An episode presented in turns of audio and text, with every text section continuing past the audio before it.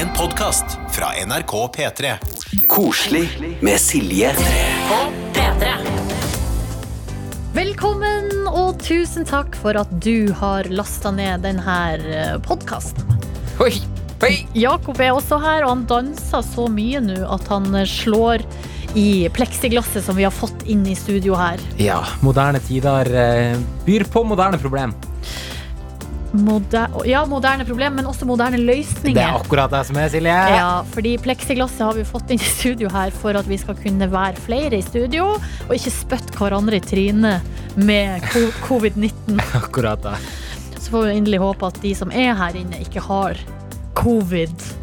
Ja, jeg, jeg føler meg ganske selvsikker på egne vegne, i alle fall. At jeg ikke har det. Samme her, jeg er jo meg ikke i lag med folk. Nei, akkurat det. som er. Altså, hvor i all verden Eller vet du hva, jeg var faktisk på ei kunstutstilling. Ja, Ah, fin på det. Ja, fin på det. Nei, jeg var på ei åpning av ei kunstutstilling på torsdagen, og der var det alle sånn Det var smitteverntiltak som var gjort. Altså det var, vi måtte registrere navnene våre i døra og alt mulig sånn, og det var begrensa hvor mange som kunne være inne i det rommet. Men jeg må si, eh, på et tidspunkt der så tenkte jeg mm, jeg må ut. Fordi du vet, det er noe med at det er ikke alle som har den her meteren helt sånn tuna inn. Blir du kjefter, du? Blir du, kan Nei, du si fra? Nei. Nei, nei, nei, nei. Fordi jeg har vært farlig nære noen ganger. Og jeg er ikke spesielt nervøs, egentlig, og det er sjelden jeg tenker på det. Men akkurat her tenkte jeg på det, faktisk. Ja. Det var bare Jeg vet ikke hva det var. Men, um, men, men det gikk bra. Det, nå ble det et rart spørsmål. Var det eh, vernissasje? Det var på en måte en slags vernissasje, Ja. ja. Eh, Det, altså, vernissasje det er vel bare et annet ord for kunstutstillingsåpning. Ja. Eh, Men det som var eh, dumt her, da, er at det var ikke alkoholservering. Fordi nå er jo kravet for alkoholservering er at det skal være mulighet for å sette seg ned. Ah, ja. Så vanligvis på det her galleriet bruker de jo å ha servering, da, men det hadde de ikke nå, så det var jo litt nedsig. ja, man går rundt med litt champagne og sånn til vanlig. Jeg har ikke vært på så mange kunstutstillinger. Ja, vanligvis gjør man det. Går rundt med champagne. Det er helt rått!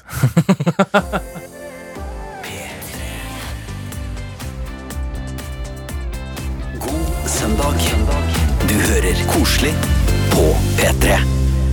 Jeg trykte på den lange jingelen. Det ble den lange jingle. Og Egentlig så skulle jeg trykke på en annen jingle som var litt kortere, og som ikke sier 'god søndag'. For det kan jo hende at du som hører på podkasten, ikke hører på på søndag. Men poenget altså med god er jo at vi håper at du har en god tilstand uansett hvor du befinner deg hen, eller hvilken dag eller når det er du hører på det her. Det er jo det som er det deilige med podkast. Man kan høre på det når man vil. Um, og, hvis, og, og så er jo poenget også at vi um, håper at etter du har hørt ferdig podkasten, at du har det litt bedre enn du hadde det i utgangspunktet. Ja. Og måten vi gjør det på, det er en eh, strategi som er å formidle gode eh, nyheter som har skjedd i løpet av uka. Altså vi oppsummerer uka.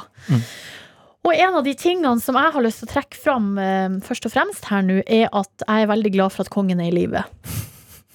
Jeg Ja, må bare si det. Jeg, altså, jeg, jeg, jeg ler, men selvfølgelig, det er jo jeg òg kjempeglad. Ja, for vi satt jo i lag her på kontoret tidligere i uka da eh, beskjeden kom at eh, kongen var innlagt på sykehus. Mm. Og i starten så visste man jo ingenting, det virka dramatisk. Og da eh, fikk jeg, jeg fikk sånn skikkelig klump i halsen og tårer i øynene. Altså jeg kjente sånn fysisk veldig sterk reaksjon på frykten for at, skulle, at det skulle skje noe med kongen. Ja, for det blir så dramatisk på nettavisene når det er sånn akkurat nå, kongen innlagt. Den Ja. der, vi vet ingenting. Hva er det som skjer? Det kan være hva som helst. Ja, og, det har skjedd mye i løpet av det her året, og hvis det skal nå altså Bare tanken på at det skulle skje noe med kongen i tillegg, det ble for mye for min del, da. Men nå virker det som at det går bra.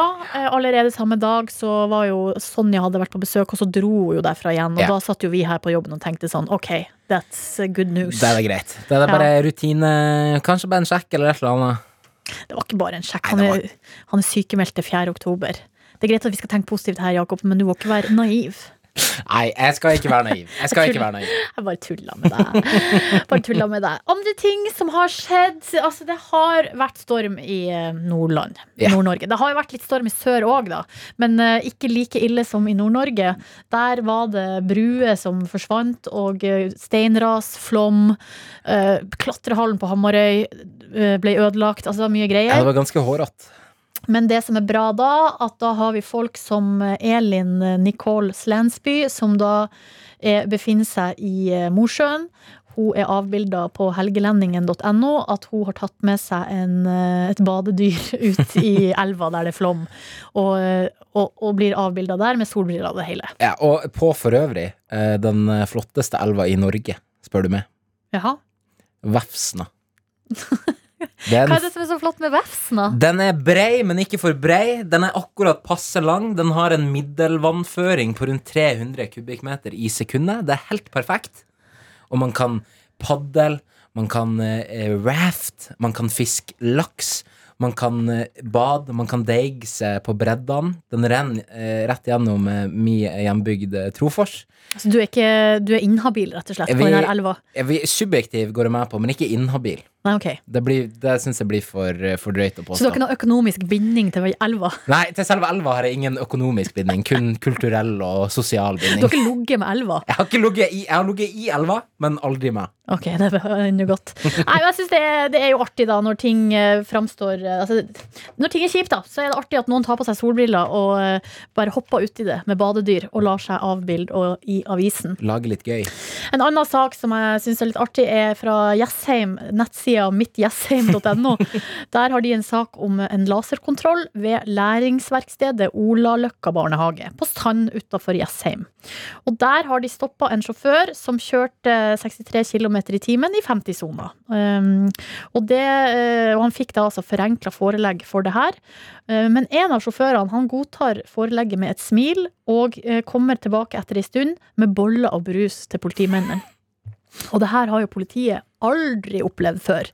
Så derfor så blir det sak da i lokalavisen. Jo, men vet du hva? Jeg tenker, jeg ser for meg Hvis liksom politiet hver gang de gir en bot, så blir det jo garantert ganske dårlig stemning. Sånn Ja. til vanlig. Det, og det skjønner jeg jo at det gjør. Ja, ja, ja.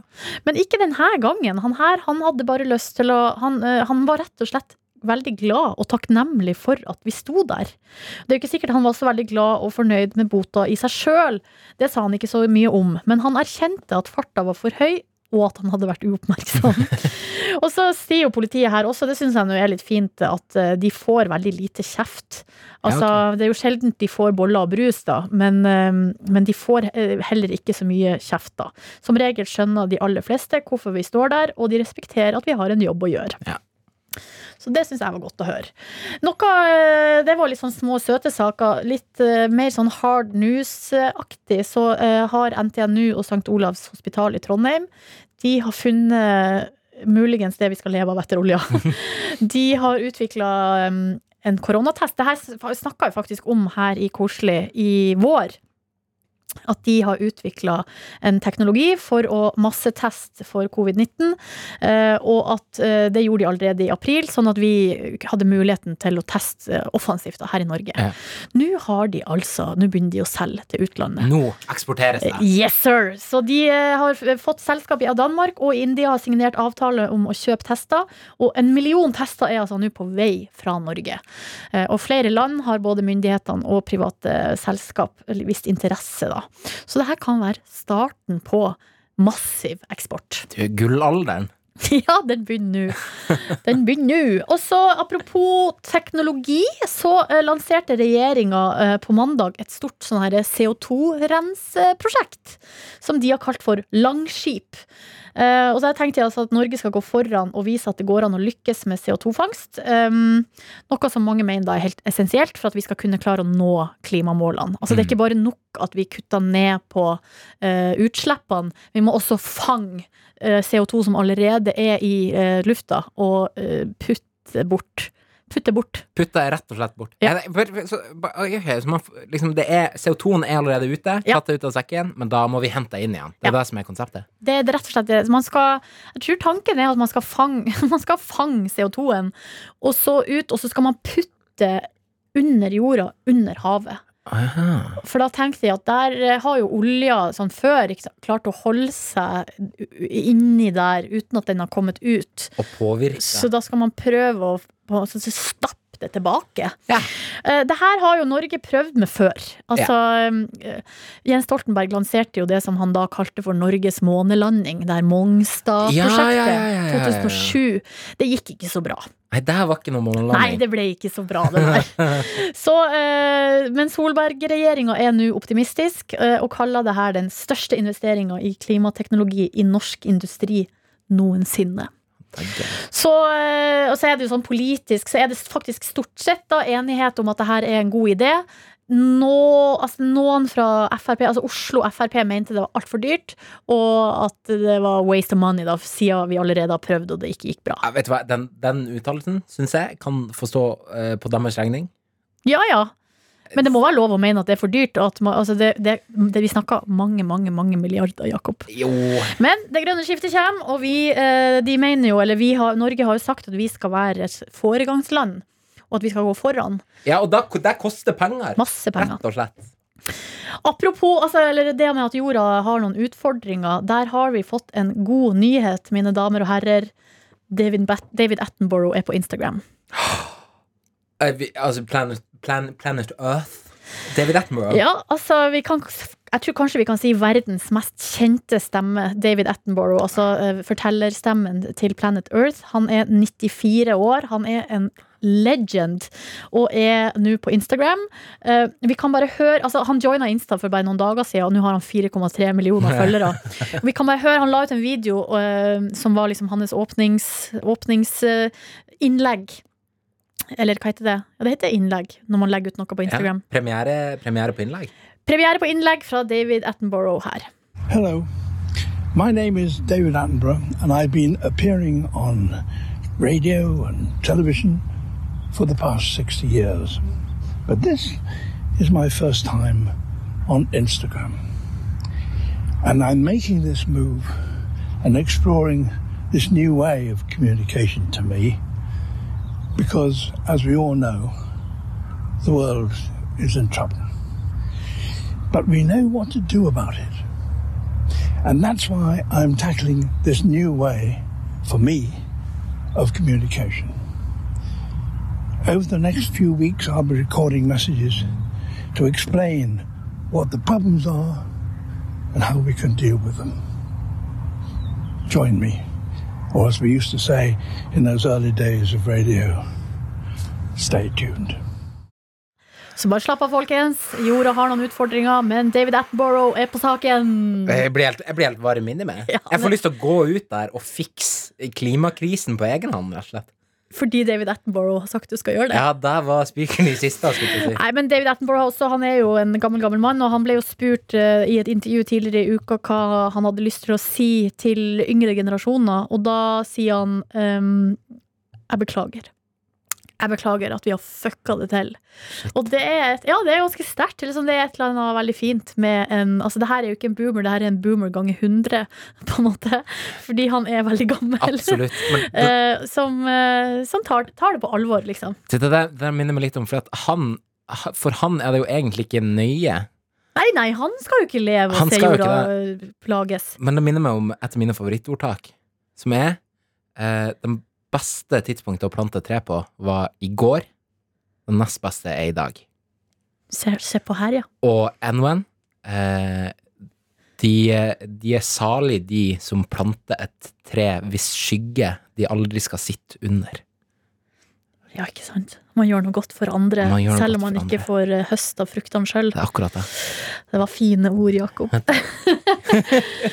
altså, det her um, Jeg vet ikke om jeg sa det, at det her, um, det her prosjektet til regjeringa, CO2-renseprosjektet, kalles for langskip. De har kalt det for Langskip. Ja. Ja, så det er det de har kalt det her prosjektet. Jeg får jo noen sånn vibber. Du får noen vibber, ja. Fordi langskip, det er altså Jeg, har jo, jeg må google det en gang til. Lang Fordi vi skal over i vikingland nå. Ja, ja, ja. Langskip er et samlebegrep for skip som i hovedsak er rodd, altså roskip, Ja. eh, og som er lang og smal, med en grunn kjøl. Eh, og denne typen skip har vært beny- benytta av flere ulike folkeslag, men også da norske vikinger. Sånn at eh, bildet som følger med på Wikipedia-artikkelen om Langskip, er Osebergskipet. Ja. Og denne uka så har det vært noe på nrk.no som jeg har syntes vært så artig. Det er eh, NRK Alltid Viking. og der har man kunnet fulgt eh, opp, altså oppgravinga av um, det her Gjellestadskipet. Gjellestad-skipet. På Gjellestad uh, utafor eh, Halden så har de funnet et uh, vikingskip. Og driver altså nå og graver det opp, et stort prosjekt. Uh, og så har de hatt en stream gående på nrk.no. Og der har man kunnet stilt spørsmål, og uh, rett, bare følg med på hvordan det ser ut, og hvordan det funker når de driver og graver opp et eh, vikingskip. Og vi har uh, snakka med Margrethe Havgard. Hun er 26 år gammel, hun er arkeolog, og hun er formidlingsansvarlig for det her Gjellestad-prosjektet. Så hun har jo da sittet eh, i chat på nrk.no og svart på spørsmål fra folk. eh, Og har opplevd ganske Altså, det har vært stor interesse for denne utgravinga. Og jeg må bare si, jeg elsker at jeg bor i et land der eh, Rikskringkastinga har noe på internett som heter NRK Alltid Ja, Viking. det, er, det er nydelig. Det er nydelig.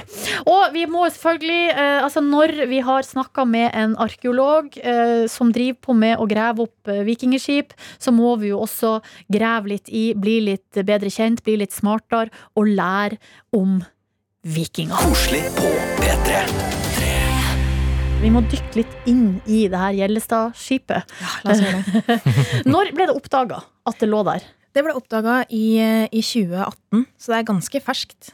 Ja. Dette her. Mm. Og hvordan ble det oppdaga?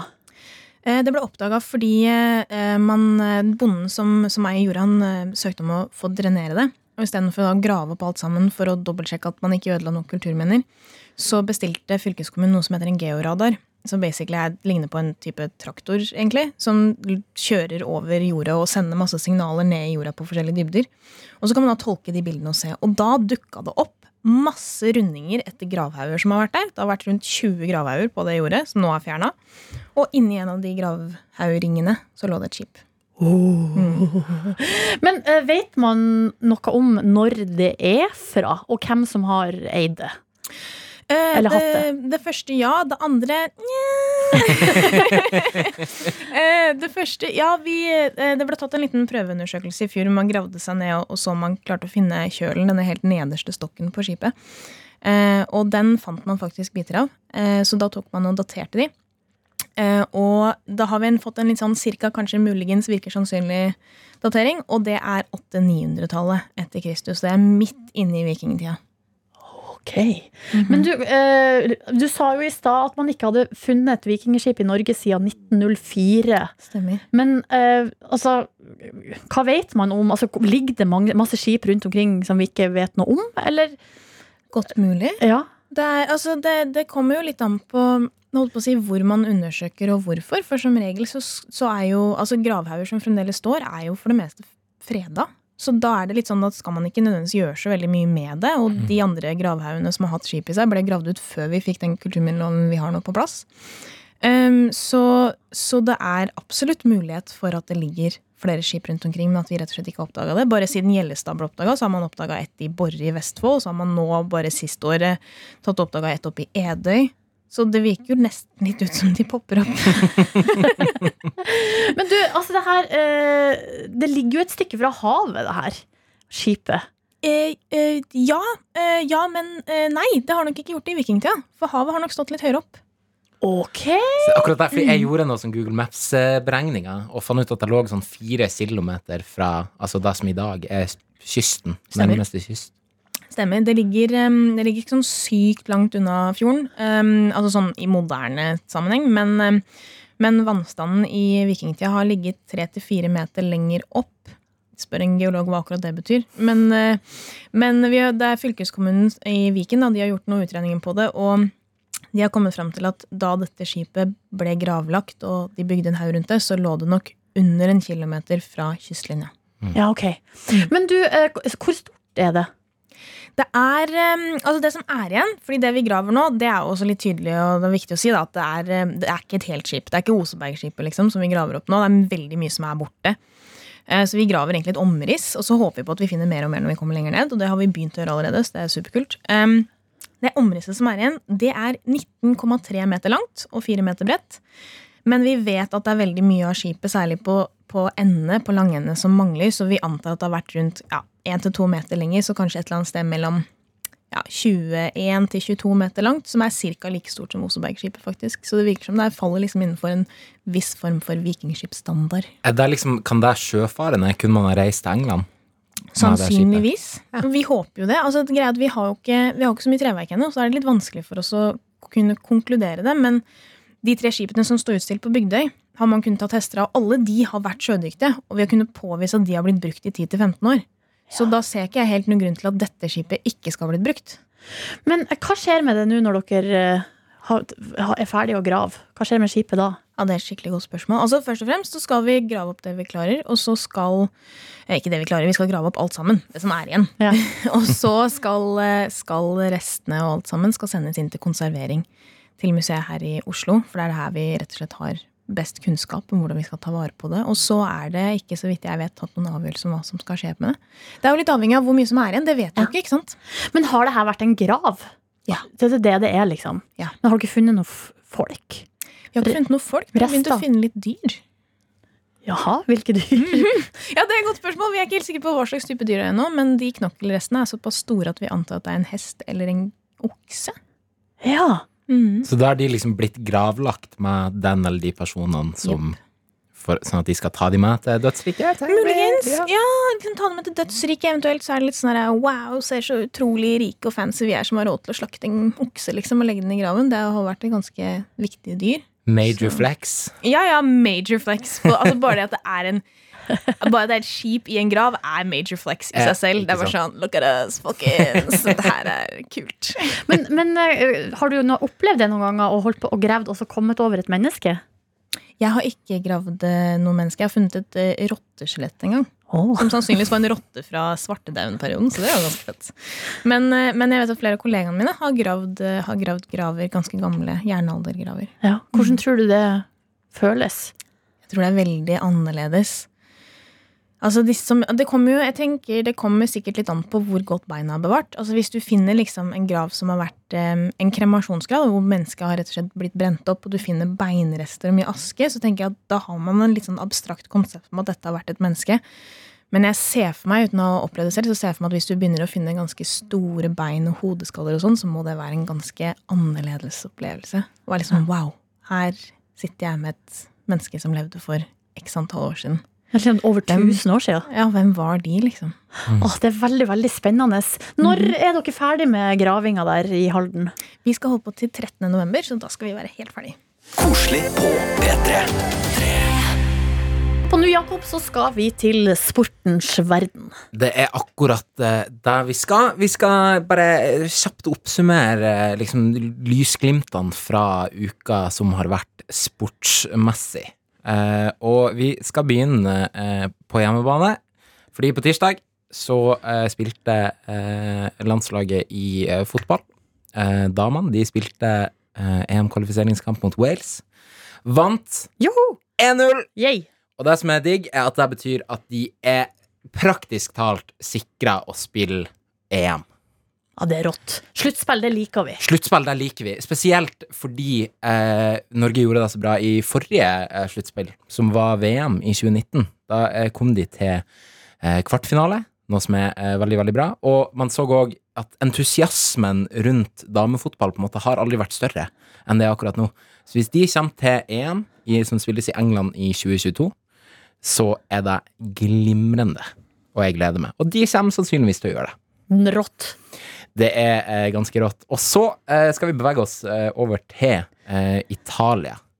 Fordi der har det skjedd en ganske spesiell ting. I desember i fjor så var det en 19 år gammel dame som havna i ei bilulykke. Eh, og havna i koma. Å nei. Ja, sant? Man tror Men så ender det er ganske greit, fordi ni måneder etterpå, altså denne uka, så våkna hun etter å ha fått eh, en eh, melding fra eh, Francesco Totti. Og Han har jeg hørt om. Har du hørt om Francesco Totti? Ja. Francesco Totti han er en legendarisk eh, Roma-spiller. Spilte på Roma i 25 år. Eh, og la opp eh, for to år siden. Og han har da sendt ei lydmelding til Ilenia Matili, som lå i koma. Og på grunn av det så våkna hun opp. Jeg jo etter ni måneder. Og det er klart, det er jo en litt annen verden hun våkner opp til. Stakkars, ja. Men uh, uansett. Heller, heller våkne enn å ikke våkne, tenker jeg. Ja, jeg er helt, jeg er helt enig. Så det var det som skulle til, da. Altså, for hun har vært en livslang Roma-fan, da, og levd Altså, så lenge hun har levd, så har Totti vært den kuleste, beste spilleren og kaptein på favorittlaget hennes. Ja, det er jo helt rått. Ja, det er ganske sykt, altså. Men det her er tenker noe legemiddelstanden kan ta, altså le, legestanden kan ta med seg videre. Ja, det håper jo de For å få folk opp av koma, så er det å bare lete opp eh, idolene, få sendt eh, talemelding, og så er det saken grei skuring. Hvem skulle ha sendt ei talemelding til det hvis du hadde ligget i koma? For at du skulle våkne opp? Nei, altså Jeg svarer jo veldig ofte Ellen eh, DeGeneres på sånne her spørsmål, så jeg har det jo vært noen kontroverser i det Ja, siste det si. som gjør at eh, man, jeg blir litt uh, usikker. Kanskje Oprah, da. You got a car! You got a car! You, you uh, wake from coma! Everybody wakes from comas. Ja, nei, det tror jeg det hadde funka, ja. Ja, det hadde nok funka. Det Ja. tror jeg. Eh, og så skal vi avslutte i Italia, fordi på torsdag så var jo eh, vår alles eh, Jeg sier vår alles kjære Bodø-Glimt akkurat i denne konteksten. Ja, i hvert fall vår, som er fra Nordland. Ja, det er akkurat det. Ja, nå er jeg jo brannfan, da. Men det er detaljer det smaljer her, rett og Ja. Fordi de holdt på å gjøre det umulige. De holdt på å slå selveste AC Milan på San Siro i eh, Europaliga-kvalifisering. Eh, og så holdt det ikke. De tapte 3-2, men de vant iallfall mitt hjerte. Og jeg tipper alle i Norges eh, sine hjerter. Og så eh, vant de hjertet til en eh, arabisktalende sportskommentator. Ja. Eh, og nå skal vi få høre en lyd av at han eh, kommenterer eh, 3-2-målet til Bodø-Glimt når de reduserer til 2-3 ved eh, Jens Petter Hauge. آه، مقابل آه، لا شيء بهدفين مقابل لا شيء كرة الآن ملعوبة يا سلام يا سلام يا سلام يسجل هدف جميل هدف جميل يسجل ja, Jeg skjønner jo ingenting, men det høres ut som at han ble veldig gira, da. Han ble kjempegira, og det høres også ut som han sier 'jøsse navn'. Ja. Eh, tenker jeg. Og så er det nok ikke det, men jeg liker å tenke at han sier 'jøsse navn', nå har Jens Petter Hauge skåra på San Siro. For hvor sjukt hadde det vært hvis Bodø-Glimt hadde slått eh, AC Milan? Det hadde vært eh, sjukt. Det hadde vært eh, som om eh, Som om jeg skulle ha slått Magnus Carlsen i sjakk. Ja, riktig. Og jeg er ikke så god lik. ja, vi, Hvor mye sjakk spiller du? Lite. Ja. Lite sjakk. Fordi Bodø-Glimt spiller jo fotball, Ja, de gjør det, Ja, men eh, og de er øverst på tabellen i Norge. Ja, de er det. Det er for så vidt sant. Men allikevel. Det er Ja. ganske, ganske sjukt. Det hadde vært stort, men det holdt ikke helt inn. Men de var farlig, farlig nære, og derfor så regna vi det som en god nyhet Ja, de gjorde- fra uka som har gått. En monsterhederlig innsats. Ja. Koselig på P3. Vi elsker å få mail, Jakob. Det er det beste jeg vet, iallfall. Og mailadressen vår er koselig krøllalfa.nrk.no, og denne uka har vi fått en mail som eh, var så fin at vi var nødt til å ringe opp vedkommende som hadde sendt oss mail, og det var deg, Kristin. Hallo! Hei, God søndag! i like måte. Hvor i landet befinner du deg? Du, jeg finner meg i Bergen. Du er i Bergen. Hva er det du gjør i Bergen? Jeg studerer. Hva studerer du? Eh, jeg tar psykologi. Ah. Mm, psykologi. Hvordan er det Ja. der på skole akkurat nå? Med sånn, får, får dere møte opp uh, per, i- fysisk? vi har, vi har veldig mye digitalt. Ja, hva syns du om det, da? vet du hva, nå har jeg gått så mange år at jeg syns egentlig det er litt deilig. det er litt godt å liksom våkne opp og bare ligge i senga, og så sove et kvarter før, og så bare Ja, nå spiser jeg litt frokost jeg, mens jeg eh, ser denne forelesningen. Så jeg syns egentlig det er litt godt, jeg, altså. Ja, ja, nei, men Det er godt å høre at det kan være Ja. eh, noe fint med det også. Men du, Men jeg Christ... håper jo Det er ikke sikkert vi får praksis, for det hadde jo vært litt kjipt. ja, Ja. ja, men la oss ikke ta de sorgene på forskudd. Nei, jeg håper det det ikke ser. Men du, Kristin. Eh, du sendte oss en mail der du, eh, du hadde Altså, du rett og slett skrev en hyllest til din fysioterapeut. Eh, hva, fortell. Ja, altså Jeg er blitt veldig glad i fysioterapeuten min. da. Det er jo kanskje litt flaut. Men hun er bare et så godt menneske og varmt menneske som gjør at jeg føler meg trygg. da. Så ja, nei, så det er bare veldig godt å komme til. Så etter jeg hadde time hos henne på mandag, så sendte jeg mail til dere og tenkte ja, hun eh, fortjener en hyllest, altså. Var det noe spesielt Så- som skjedde på mandag? Nei, altså hun er bare seg sjøl, da. Altså Hun er bare god og varm og raus og bare Nei, så jeg bare Ja, nei, det var bare godt, da. Så Nei, ikke noe sånn eh, spesielt annet enn eh, at eh, nå Ja. Nå må jeg skrive en hyllest. Nå må jeg skrive en hyllest. Nå er det på tide. Men du, så skriver du at hun gjorde noe helt spesielt under lockdown-perioden. Ja, det gjorde hun. Altså, fordi jeg hadde litt ekstra vanskelig når det var lockdown for korona. Så da, og da var jo ingenting åpent. Så da, og hun er ei sånn sykkeldame. Så hun sykla til min del av byen, som er et stykke unna der hvor hun bor. da. Og så tok hun med seg hjem og lagde boller. Og det, altså, hvor koselig er ikke det, liksom? Ja, Det er jo Så- helt utrolig. Ja, det er det faktisk. Så ja, Og hun er, hun er jo 67 år gammel, så jeg ble jo eh, litt stressa. For, at, eh, for det første så ble jeg ganske sjokka at eh, at hun var 67, for hun virker til 67, for hun er ganske sporty da. Ja, ja.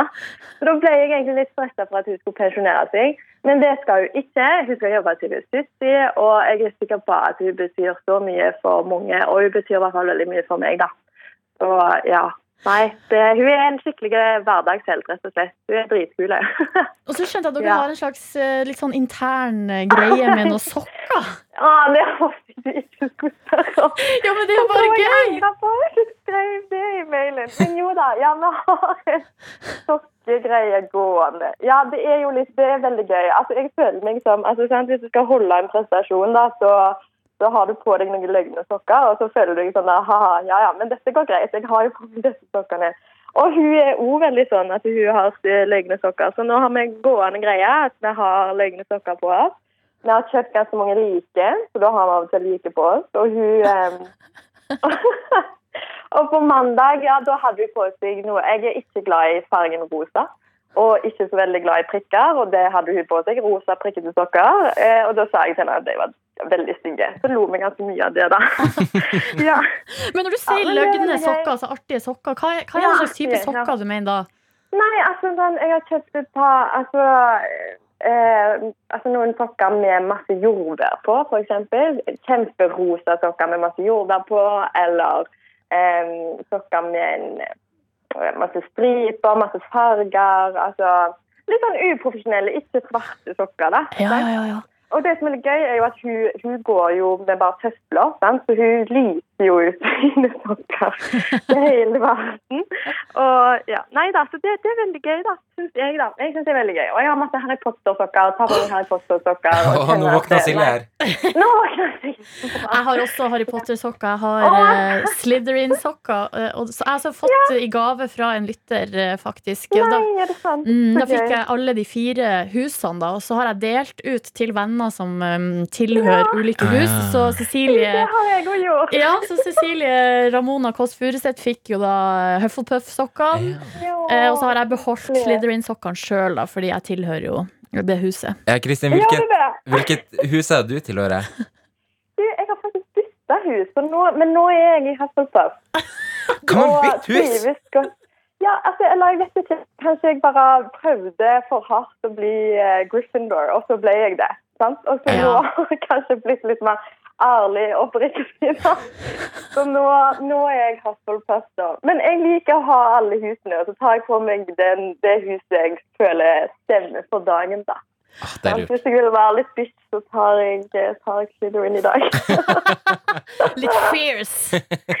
ja, ja, så mm. Og, men Kristin, altså vi, eh, vi gir jo ut en kose, eh, kosepakke hver uke til en av dere som har sendt mail, og denne uka så eh, går kosepakken til deg. Og så tenker jeg vi, eh, vi sender med litt ekstra, så kan du jo dele med, med Ja, den går fysioterapeuten til din. fysioterapeuten. Det er ingen tvil. Ja. Shout-out. Men du må, du må ta litt av den selv, da. Det må du love oss. Vi skal dele den sammen. Det er Ja. klart. Det er Ja, det er klart. Ja, og jeg likte veldig godt at du skrev i mailen, Kristin. Kristin, her er en liten shout-out til min eh, fysioterapeut, men også til alle fysioterapeuter, leger, psykologer, lærere osv. som sprer godhet og gjør det lille ekstra. Det får bli budskapet eh, fra oss og fra deg i dag. Ja, det er det. Tusen takk. Ha en nydelig søndag videre! I like måte. Ha det! Ha det godt. Ha det! Koselig på P3. Og nå, mine damer og herrer, er det på tide å ønske velkommen til ukas overskrifter! Uke 39. 39 har det blitt. Det har det blitt, og eh, poenget her er at eh, jeg får inn tips fra deg som hører på om eh, artige saker. Eller det står, altså, artige overskrifter er hovedpoenget, så Mm. om saken er artig, så er det en bonus. Fra nettaviser og aviser rundt omkring i hele Norge, og så velger jeg ut tre som jeg syns fortjener hederlig omtale. Og vi går bare rett på. Jessica har tipsa om denne saken eh, hos glomdalen.no. Eller det var altså egentlig Østlandets Blad som hadde saken først. Nei, Østlandsposten. Og eh, overskrifta lyd som følger. Politibetjenten troppa opp midt på natta for å lukte seg fram til tipset stemte. Og det ble full pott. og her har de uh, brukt et grep som jeg liker godt når det kommer til overskrifta. Det er parentes. Så sant, det ble full pott, og så er det én T som står i parentes, så det blir dobbel betydning. Det er godt håndverk. rett og slett. Det her er veldig godt håndverk, fordi uh, det, er, det ble full pott. De fant jo da uh, noe ulovlig, og det ulovlige, ja, det var 124 cannabisplanter. Ja. 124. Ja, så det er ganske sånn stort opplegg her. Her sier politiet at det virka som at det var ganske profesjonelt eh, anlegg. Det var rigga med vifte, vanningssystem, lampe og utlufting, eh, og det var ikke måte på eh, hvordan det var lagt opp til dyrking da, her på denne eh, Alarvik-adressen. Nettopp. Det, jeg tror det er ganske vanskelig å dyrke pott fordi det trengs så mye lys, sånn at man ser på strømregninger. Det er akkurat det man gjør. Ja, sant? Så det er det, eh, Man kan se det på strømregninga, eh, og man kan jo også da lukte seg fram. Altså, her har jo naboene eh, ant ugler i mosen. Gitt beskjed til politiet, så er det da en betjent som har vært der på natterstid og snusa litt rundt, rundt huset, og sa at det var ei umiskjennelig lukt på utsida. Så da ble det jo ransakingsordre, og så fant de de her plantene, og de har, nu, de har gått opp i røyk. De har gått opp i røyk, Ja. Men det- på en annen måte enn det som var tiltenkt, kanskje. Ja, det får vi inderlig håp. Det er et bra julebord hvis de oi, oi, oi, oi, Vi går videre til neste sak, og det er eh, Svein Erik som har tipsa om denne saken. Vi skal til nordhordaland.no. Og her liker jeg altså eh, Fordi I utgangspunktet er ikke her noe positivt, men her har de klart å vri det. Overskrifta er 'Vant sløseriprisen etter Norges dyreste ordførerkjede'. Sitat 'Det var et godt kjøp'. Det var et godt kjøp. Uh, altså, det det er altså eh, Nettavisen, da, som i, til, i eh, samarbeid med sine lesere har hatt en kåring om hvem som har sløsa mest norske skattepenger. Ja. Dette er en kåring de har årlig, eh, og det er stor engasjement, stort engasjement rundt det. I år var, ble vinnerne, altså vinneren ble i fylket Vestland, som da etter kommunereformen, som tredde i kraft nå i januar i år, har måttet ha gått til innkjøp av nye ordførerkjeder. Ja. Millioner har de brukt på det. Eh, Men her har altså fylkesordfører Jon Askeland Han er så fornøyd med kjøpet. Ja, det, han er det. Hvor mye må man ut med for eh, et ordførerkjede nå? Hva som er Og hva ligger prisen på? 329 500 kroner. Ja, det er såpass, ja. Men det han sier her, at ja, kjedet er 100% norsk, produsert av en designer og sølvsmed i Norge på norsk lønnsnivå. Det har bidratt til å holde viktige yrkesfag i landet og i fylket, og jeg har hatt gleden av å bruke kjede ved mange anledninger allerede. Og tanken er jo at det her også skal vare, da. I, det skal vare lenge. ja til, til neste kommunereform, i hvert fall. ja. Det er veldig godt poeng. Vi går videre til siste sak. Vi skal til vårt hjemfylke, Jakob. Og det er Tiril som har tipsa om denne saken. Vi skal faktisk til din region. Å ja? Vi skal til isandesjøen.no. Og i Sandnessjøen nei, der har det vært eh, markedsdag da, forrige helg, og da klar i Sandnessjøen å slå til med følgende overskrift. Anbefalingen fra Håkon, kolon, alle bør unne seg en hestkuk på pizzaen. og så trykker man seg inn på saken, så er det en bildekarusell fra denne markedsdagen som heter så mye som Tiendebytte. Ja, og her må jeg bare komme inn med min uh, lokalkunnskap. Ja. Fordi uh, selv om det står i Sandnessjøen, Ja. så er denne her tiendebyttet. Det foregår i Mosjøen. Aha. Og, og der eh, har de altså tiendebytte hvert år. Og eh, kanskje årets uh, freskeste bod, må være uh, Altså, vi, jeg har så mange spørsmål. Hva har jeg gått glipp av, Nei, og det, det er et, et selskap som heter Dritforbanna, som holder hus i Bodø. og de har Nei, ja, skal vi se. Ja, det, er- det er noen i Bodø som har laga en barbecue-serie som heter Dritforbanna. Og der er det altså en barbecue-saus som heter hestkuk. Og her har en fyr som heter Håkon, som er altså så søt, stilt opp eh, på bildet, da Ja. og eh, poserer med denne flaska der det står hestkuk. Og så sier han alle burde unne seg en hestkuk til pizzaen. Det er den beste saus til grilling, sier Håkon her til avisen. ja. Så han har, han har gitt journalisten det han var ute etter, rett og slett. Vært på tilbudssida. Ja. Han lot seg ikke be to ganger og stille opp, og det hyller jeg. Koselig på P3. Dyr er fantastisk. og vi har så mange eksempler på det i dagens eh, Dyrenytt. Altså for eksempel så har denne uka en, en afrikansk pungrotte som heter Magawa, blitt hedra med gullmedalje for sin innsats med å lete etter landminer og udetonerte eksplosiver i Kambodsja. Rett og slett fått medalje for heltemodig og livreddende eh, innsats. Og det er en eh, organisasjon som heter Apopo, en belgisk veldedig organisasjon, som har altså i over 20 år brukt rotter til å spore opp eh, ulike typer eksplosiver som er gravd ned i bakken. Og de har god luktesans og god hukommelse, og så er de i tillegg så lett at de trigger ikke sånne utløsningsmekanismer. Sånn at uh, de er helt sånn perfekt for den rollen, da, og har nå blitt hedra for sin innsats. I tillegg til det, apropos god luktesans, så var det en sak denne uka fra Finland. At der på eh, hovedflyplassen i Helsinki, eller Helsingfors, som det også heter, der har de nå eh, satt i gang et eh, prøveprosjekt der de bruker hundene, eh, hunder til å eh, lukte seg fram til koronasmitte. Det er hundene Valo og ET.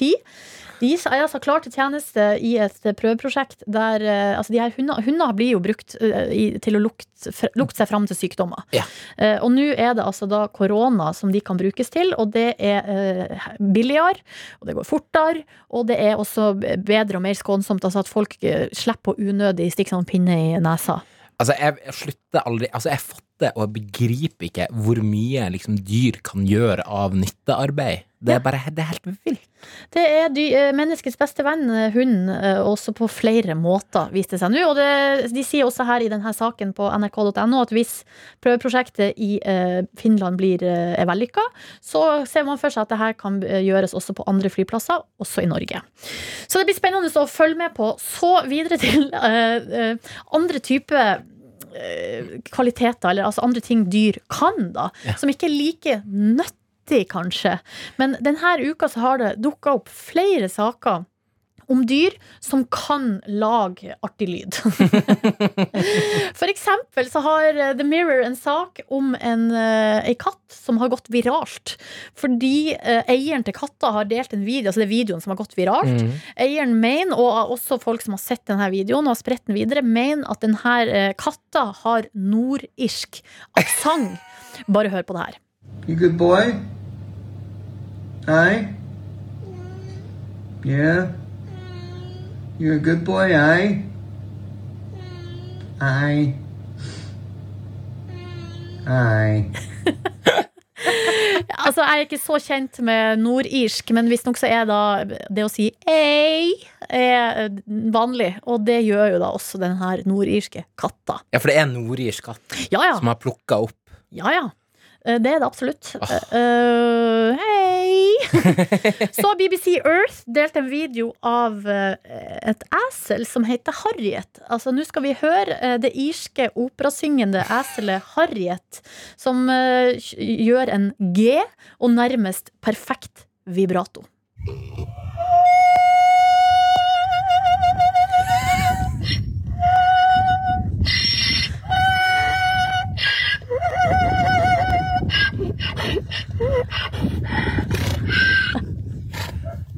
Hjelpes meg.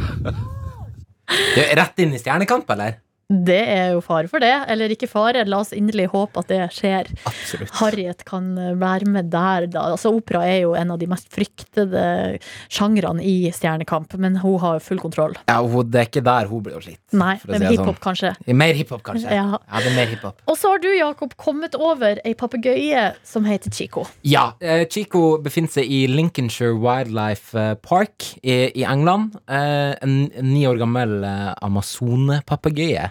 Som, eh, og apropos Stjernekamp, eh, Chico hadde glidd rett inn der.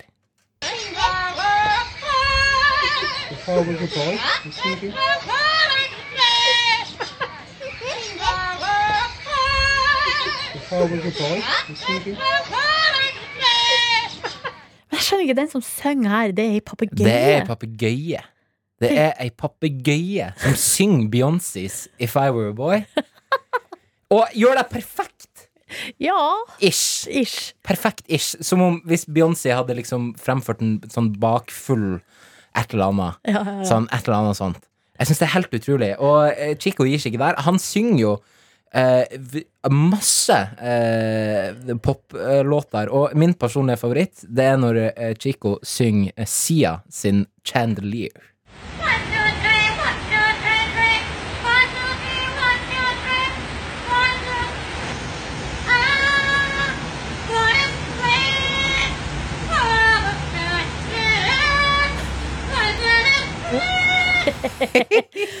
Litt off-pitch, off kanskje, men altså jeg, blir nesten litt frika ut av at det der går an. Ja, det er, det er nesten litt uh, ekkelt. Og som han her eh, sjefen for eh, Lincolnshire Wildlife Park, da, der Chico befinner seg, han sier at tenk at uh, ei papegøye gjør det vanskelig for oss å opprettholde social distancing-reglene. Fordi folk strømmer til for å få liveshowet til Chico. Tusen takk, Jakob, for eh, den syngende papegøyen eh, Chico. Det er jo helt åpenbart at i altså Det er jo Storbritannia, da, der de har dyr som nå kan altså de, Som kan både det ene og det Ja, det må være noe i vannet der. Ja, det må være det. Koselig på P3. Vi har jo en teori, Jakob, om at det er lokalavisene som er aller best på positive nyheter. Derfor så ringer vi til en ny lokalavis hver eneste uke, hver eneste søndag. Og i dag har turen godt kommet til uh, Tønsberg, Tønsberg Blad og redaktør Sigmund Kydland. God søndag, Sigmund. God søndag. Hvordan står det til i Tønsberg i dag? Ja, bare bra, selv om det begynner å bli litt høst, og mange av oss må ta opp båten og se at sesongen er over. Ja, men øh, høsten er jo litt fin den òg, da, eller? Ja, veldig. Særlig her i Tønsberg, selvfølgelig. Men du, eh, vi, vi spør jo da hver eneste uke. Vi ringer til en ny lokalavis, og så spør vi hva fint har dere skrevet om denne uka. Og nå går spørsmålet til deg. Ja, og da eh, tenkte jeg kunne fortelle om et par som har skjønt hvor fint det er eh, rundt her i Vestfold. For de har flyttet fra Bodø eh, til Vestfold, eh, kjøpt hus usett og kaller seg for klimaflyktninger. Eh, Nå er ikke det noe sånn helt ukjent fenomen hos oss her på, på Solkysten. Men det som jeg syns er ganske morsomt å fortelle, er hva de gjorde. Fordi Heidi og, Kjetil eh, Øyen de flytta da som sagt til, eh, til eh, Nykirke rett utenfor Tønsberg. Og kjente jo ingen. Og hvordan skulle de komme i kontakt med naboene? Jo, da inviterte de hele nabolaget til vafler på terrassen. Ja, sånn skal det gjøres. Ja, og det var veldig smart, og de fikk selvfølgelig kjempegod respons. Og Kjetil inviterte jo gjerne på en pils, fordi de ville ha det. Så, men de ble kjent med hele nabolaget og fikk høre masse om huset de hadde kjøpt. Og, øh, og har fått masse nye venner. Så det var en veldig smart måte å komme i kontakt med nabolaget da. Men hvordan sendte de ut invitasjon, egentlig? Nei, de fant ut at de skulle gjøre det i sosiale medier, og det fungerte for dem. Eh, Og dette, dette huset ligger litt for, seg, litt for seg selv, men det var ikke noe problem. Så de fikk, har fått masse besøk de dagene etterpå. Altså, Veldig inspirerende. Mm. Altså, så Noen vil kanskje tenke at det er litt, kanskje, litt sånn jeg vet ikke, litt flaut eller pinlig, eller så blir man redd for at ingen skal komme og sånn. Men eh, altså, hva er det, altså, det, det er jo bare å prøve. Det er bare å prøve, og dette er jo også Det er jo litt sånn at du tenker at ja, kanskje ikke Dette kunne man gjøre selv om man kanskje har bodd her en stund. Eller eh, ja. Det er en veldig flott måte å bli kjent med et nabolag. Ja, helt enig. Altså, tusen takk for, eh, for, for det, Sigmund. Ha, er det, har du flere ting på lager? Ja, jeg tenkte jeg kunne fortelle en litt morsom historie fra, som iallfall ikke jeg har sett før. og Det er et, eh, det er et kjøpesenter, eh, også litt utenfor sentrum i Tønsberg, som prøver å være litt originale og litt smarte eh, for å konkurrere med, med byen. Ja. Og de har, eh, de har gratis parkering. Men likevel så er det da faktisk sånn at hvis du kommer dit, så kan du risikere å finne den, den kjente gule boten eh, liggende på, på vinduet på bilen din. Ja. Og da blir jo folk jævlig litt overraska, men blir ganske happy når de oppdager at inni der så ligger det rett og slett et gavekort fra en eller annen av butikkene i senteret. Og det, det er en ganske, ganske morsom greie, for de har kopiert den gule parkeringsbota veldig detaljert. da. Oi, oi, oi. Da er altså for, Altså, tenk deg, du tror Ja, nå er det 500-600 kroner ut. Omvendt gavekort. Og så er det bare et vanlig gavekort! Det er rett og slett det det er. Åh, det er jo helt nydelig. Ja, det er veldig smart, altså. Det er jo ehm, det, det, det er den der eh, med å altså, å- å- Hvordan er det? Ja, man, altså, man lurer noen med dårlige nyheter, og da blir den gode nyheten ekstra stor. Når den Sånn først er kommer. Ja. Ja. Sigmund, eh, det virker som dere har det som plommen i eggen i Tønsbergsområdet. Eh, Takk for at du delte med oss denne søndagen. Så ønsker vi deg en nydelig kveld videre. Takk skal du ha. Ha det bra! Ha det bra. Koselig på P3. Har du fått bot noen ganger, eh, Jakob? Altså parkeringsbot? Nei, jeg har jo ikke førerkort. Og da Hadde glemt det. er det Eller visste det? Jeg vet ikke om jeg visste det. Kanskje ikke. Kanskje du har bare gått ut ifra, siden jeg er fra ei lita bygd i Nordland, at jeg selvfølgelig har førerkort. Ja, men det er veldig rart hvis jeg skulle gå ut ifra det, fordi jeg er også fra ei lita bygd i Nordland, og jeg fikk jo lappen for to år siden. Der har du den igjen. Ja. Så nei, når man, har, når man ikke har førerkort, så er det ganske lett å unngå parkeringsbøter. Ja, det er jo rart med det der. Jeg har jo da hatt lappen i snart Altså, jeg har ikke to år ennå. I desember har jeg hatt lappen i to år, og jeg har ikke fått eh, parkeringsbot. Jeg har bulka en bil, da.